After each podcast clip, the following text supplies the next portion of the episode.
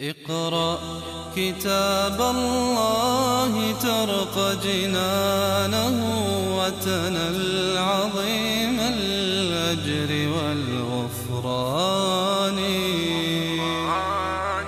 رتله روي القلب من نفحاته كالماء يروي لهفة العطشان قال الله عز وجل يوم يسحبون في النار على وجوههم ذوقوا مس سقر إنا كل شيء خلقناه بقدر. وهذه من الآيات الدالة على الإيمان بالقضاء والقدر وهو من أركان الإيمان أن تؤمن بالقدر خيره وشره فهو الركن السادس منها. وقول سبحانه خلقناه الإشارة إلى أن كل الأشياء خلقها الله تعالى الله خالق كل شيء. والخلق من القدر فإن الله تعالى هو الخالق وهذا مرتبة من مراتب القدر. وقوله سبحانه بقدر من معانيه خلقناه بتقدير لا يزيد ولا ينقص قد جعل الله لكل شيء قدرا. الأجال معروفة وكل شيء له نواميس وله سنن وله أسباب. وأيضا من ذلك أن كل شيء مكتوب عند الله سبحانه وتعالى وكل شيء أحصيناه في إمام مبين. وكثير من الناس يحتجون بالقدر. ولا شك أن القدر هو سر الله تعالى في الأرض. وكان بعض السلف يقول كل الناس إذا ذكر القدر أمسكوا. إلا أنا. فإنه فتح لي فيه روزنة فنازعت أقدار الحق بالحق للحق كما ذكر ذلك وشرحه الإمام ابن تيمية في كتابه العبودية. فهنا قول سبحانه خلقناه بقدر. هذا في جانب الإلهية الذي لا يدركه البشر ولذلك القدر لا بد فيه من نوع من التسليم والإيمان بالله سبحانه وتعالى وأنه الخالق وكل شيء بإرادته ولا يقع شيء إلا بعلمه سبحانه ولو شاء الله ما أشركوا. ففي النهاية لا بد أن يكون عند الإنسان نوع من التسليم ولكن القدر أيضا لا ينافي إرادة الإنسان وفعل الإنسان. وإحساسه الضروري القطعي بأنه يفعل ما يريد. فليس أحد منا يشعر بأن هناك قوة غيبية تجبره على شيء وهو لا يريده. أنا أريد أن أتكلم فأتكلم وأريد أن أحمل القلم فأحمله وأريد أن أضع فأضع وأريد أن أشرب الماء أو أرفع الكاس أو أكلم هذا أو ذاك أو أحمل الورق أو أضعه أو أقوم أو أقعد أو آكل أو أشرب وآتي على خيارات عديدة لي في الحياة. عندي عدد من الكليات أريد أن أختار واحدة منها أو عدد من البنات أريد أن أتزوج واحدة منها أو عدد من الدول أن أريد أن أسافر إلى واحد منها أو بوفيه طعام أريد أن أختار منه ما يعجبني. فالإنسان عنده دائما خيارات كثيرة جدا في هذه الحياة. يشعر بداخله بأن هناك ضرورة أنه هو الذي يختار الذي يحبه والذي يعجبه. هذا هو الحال بالنسبة لغالب الناس والأكثر يستحق منهم. القليل من يكون عنده مشكلة معينة أو عنده إحساس داخلي بأن لديه معاناة نفسية تجعل نوعا من التكدير في هذا وإلا فالإنسان مختار يختار ما يفعل وبناء على هذا الاختيار البشري يعاقب الإنسان أو يجازى. أهل الجنة بما كنتم تعملون وأهل النار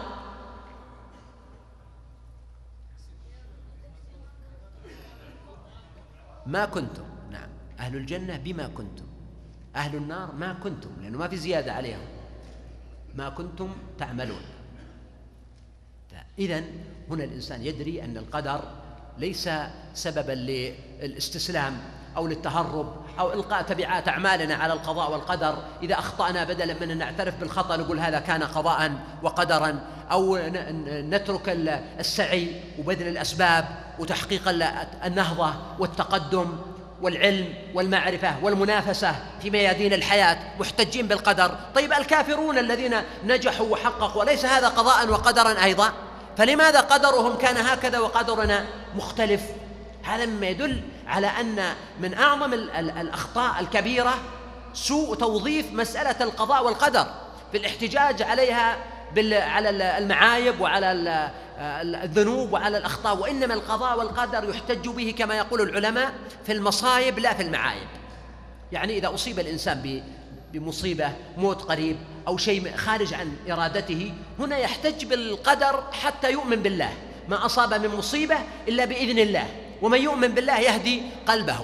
أما أن نجعل القضاء والقدر تكأة نهرب إليه من مواجهة مسؤولياتنا التي الله تعالى كلفنا بها وأمرنا بها. ولو كان الإنسان مجبورا جبرية مطلقة لم يكن للأمر الشرعي ولا للنهي الشرعي مانع.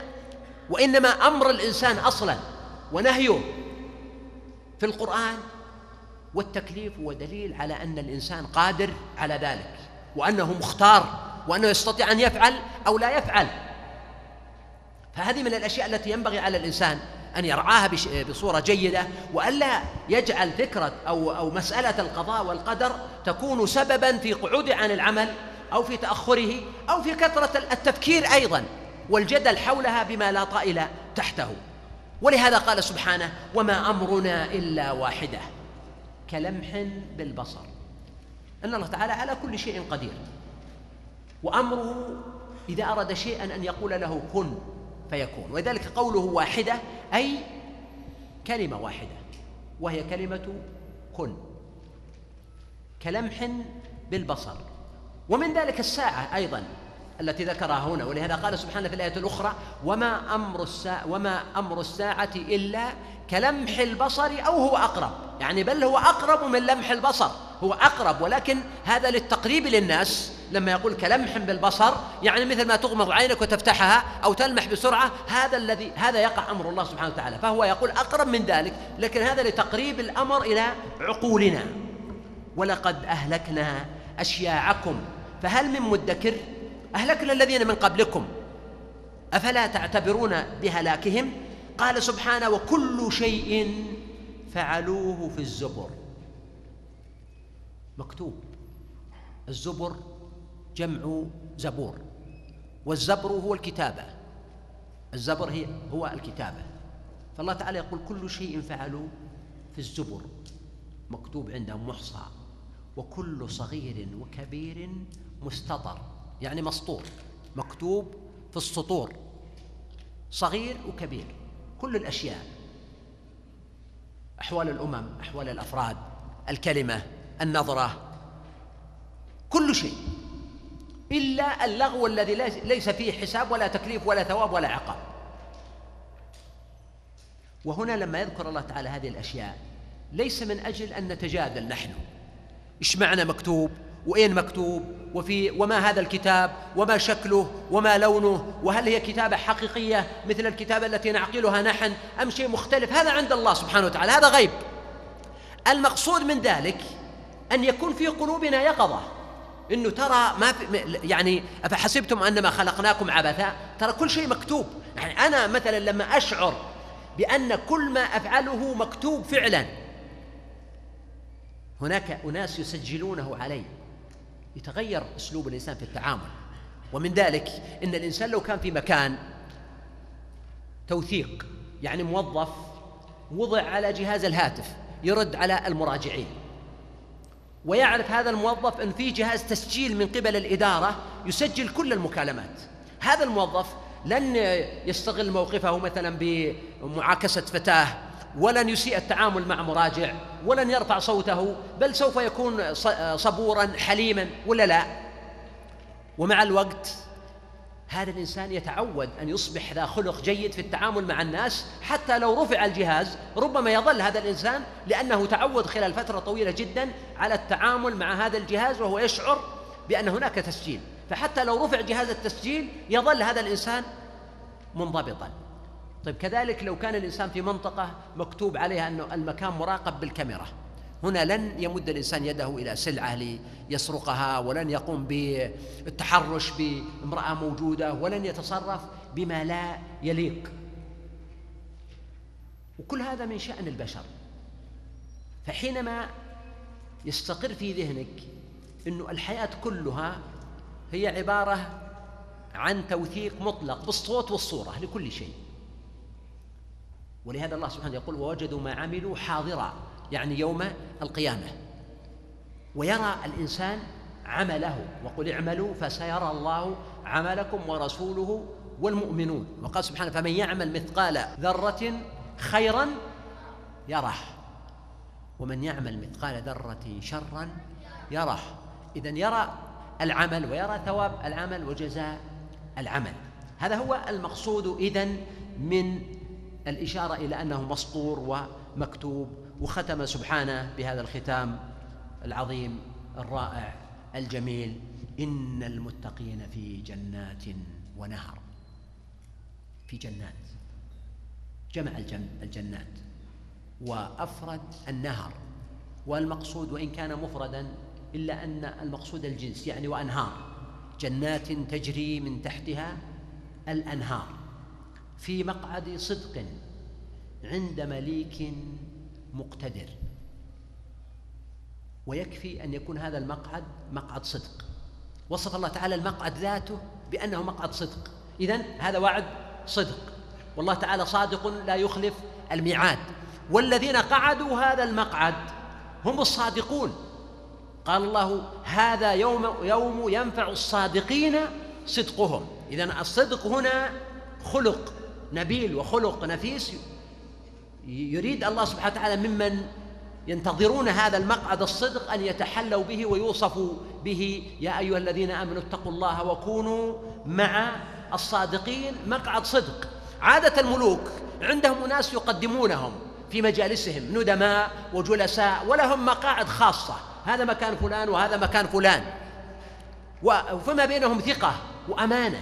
الله سبحانه وتعالى يذكر للمؤمنين في الدار الآخرة حتى للبسطاء والمتواضعين والفقراء وغيرهم.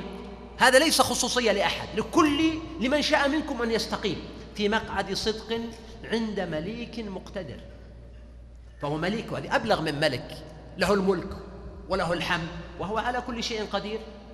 فهم في مقعد الصدق وعد الحق الصدق الذي كانوا يوعدون. أسأل الله تعالى بمنه وكرمه ألا يحرمنا وإياكم مقعد الصدق. شيء عجيب فعلا. أن تكون سورة كاملة من القرآن الكريم اسمها سورة الرحمن. وأن يختار الله تعالى سبحانه هذا الاسم بالذات ليجعله افتتاحا لهذه السورة. اسم متضمن لصفة الرحمة واسم منفرد لا يسمى به غير الله عز وجل بخلاف بقية الأسماء. كالرحيم أو العزيز أو الحكيم فإنه قد يوصف بها بعض العباد. أما الله والرحمن فهما اسمان لا يسمى بهما إلا الله عز وجل. قل ادعوا الله أو ادعوا الرحمن. هذا التخصيص لهذا الاسم في كثير من الإيحاءات والمعاني. كتب ربكم على نفسه الرحمة التعرف إلى الله تعالى برحمته الطمع في رحمته الشعور برحمته في كل ما حولنا انتظار رحمته سبحانه وهو يقول أنا عند حسن ظن عبدي بي فليظن بي ما شاء. فلنظن بربنا الرحمن الرحيم أن يسرع إلينا بالخير وأن يفيض علينا من جوده وبركته ورحمته وأن يعفو عن ذنوبنا وأن يستر الكثير من عيوبنا وأن يصلح أحوالنا وأن يجمع شملنا وأن يعلمنا ما ينفعنا وأن ينفعنا بما علمنا. التعرف إلى الله تعالى من خلال هذه البوابة الرائعة الجميلة بوابة الرحمة هو معنى جميل وهو لا ينافي أبدا الخوف. ولهذا سورة الرحمن ذاتها تضمنت تلك الآية العظيمة وهي قوله سبحانه من اللي يتلى الآية؟ عشان طيب. هذا كتاب مع الله وهو في أسماء الله الحسنى بالمناسبة وتكلمت فيه كثيرا عن صفة الرحمة. يقول ربنا سبحانه الرحمن في مطلع السورة وهذه السورة هي سورة مكية أيضا على القول الراجح وعدد آياتها ثمان وسبعون آية أو سبع وسبعون آية باعتبار أن الرحمن عند بعضهم لا تعد آية مستقلة أو ست وسبعون آية ثلاثة أقوال لعلماء العد وقد قيل في سبب نزولها أن النبي صلى الله عليه وآله وسلم لما أراد أن يجري العقد في صلح الحديبية مع المشركين فقال اكتب بسم الله الرحمن الرحيم قالوا لا نعرف الرحمن ولا نعرف الرحيم اكتب باسمك اللهم فقال النبي صلى الله عليه وسلم اكتب باسمك اللهم ونزلت هذه السورة فعلى هذا تكون مدنية.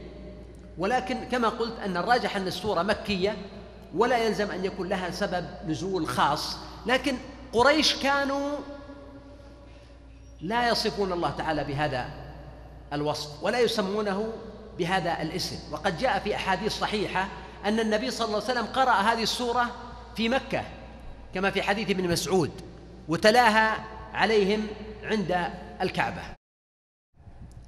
هنا الله سبحانه وتعالى يقول الرحمن. يستفتح بهذا الاسم العظيم. المتضمن لرحمته وأنها صفة له والمتضمن لإيصال الرحمة إلى عباده. علم القرآن. وتعليم القرآن يشتمل اولا أنه أعطى العباد القدرات والمعارف والعقول كما قال سبحانه وعلم آدم الأسماء كلها وأنزل القرآن على نبيه محمد صلى الله عليه واله وسلم. فتضمنت هذه الآية الكريمة إنزال القرآن وتضمنت بعثة الرسول صلى الله عليه وسلم وتضمنت تيسير القرآن للذكر وللعباد كل ذلك متضمن.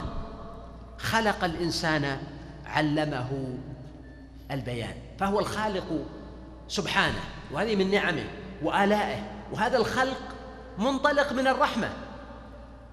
فبدأ بالرحمن وأنه خلق الإنسان إذا خلق الإنسان هو رحمة وهذا شيء جميل. في التصور الإسلامي وفي العقيدة الإسلامية ففي كثير من عقائد الناس الباطلة والمنحرفة يتصورون أن عندهم الآلهة الأسطورية الوثنية التي تطاردهم وتلاحقهم وتحاربهم وتمنعهم من العلم ومن المعرفة بينما في الإسلام اسم الرحمن يأتي اولا ليخبر عنه بأنه خلق الإنسان علمه البيان.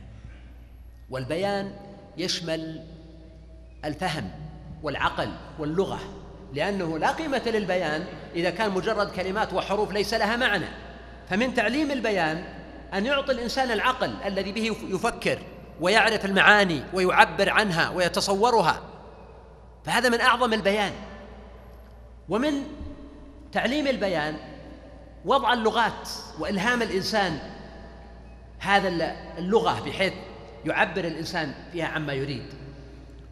ومن البيان أن يلهم الله تعالى بعض عباده أن يكون عندهم قدرة على البلاغة وعلى البيان ولذلك تجد أن الإنسان الأصم الذي لا يستطيع أن يتكلم يشعر بنقص كبير بالقياس إلى الإنسان القادر على الكلام. فالكلام هنا آه، نعمة كبيرة ومنة وسبب للتواصل بين الناس وأداة للتفاهم والتعاون على البر والتقوى والتواصي بالحق والتواصي بالصبر. والبيع والشراء والنكاح والاتفاق والاختلاف والسلم والحرب وكل الأشياء تبدأ بكلمة. اقرأ كتاب الله ترق جنانه وتنل عظيم الأجر والغفران.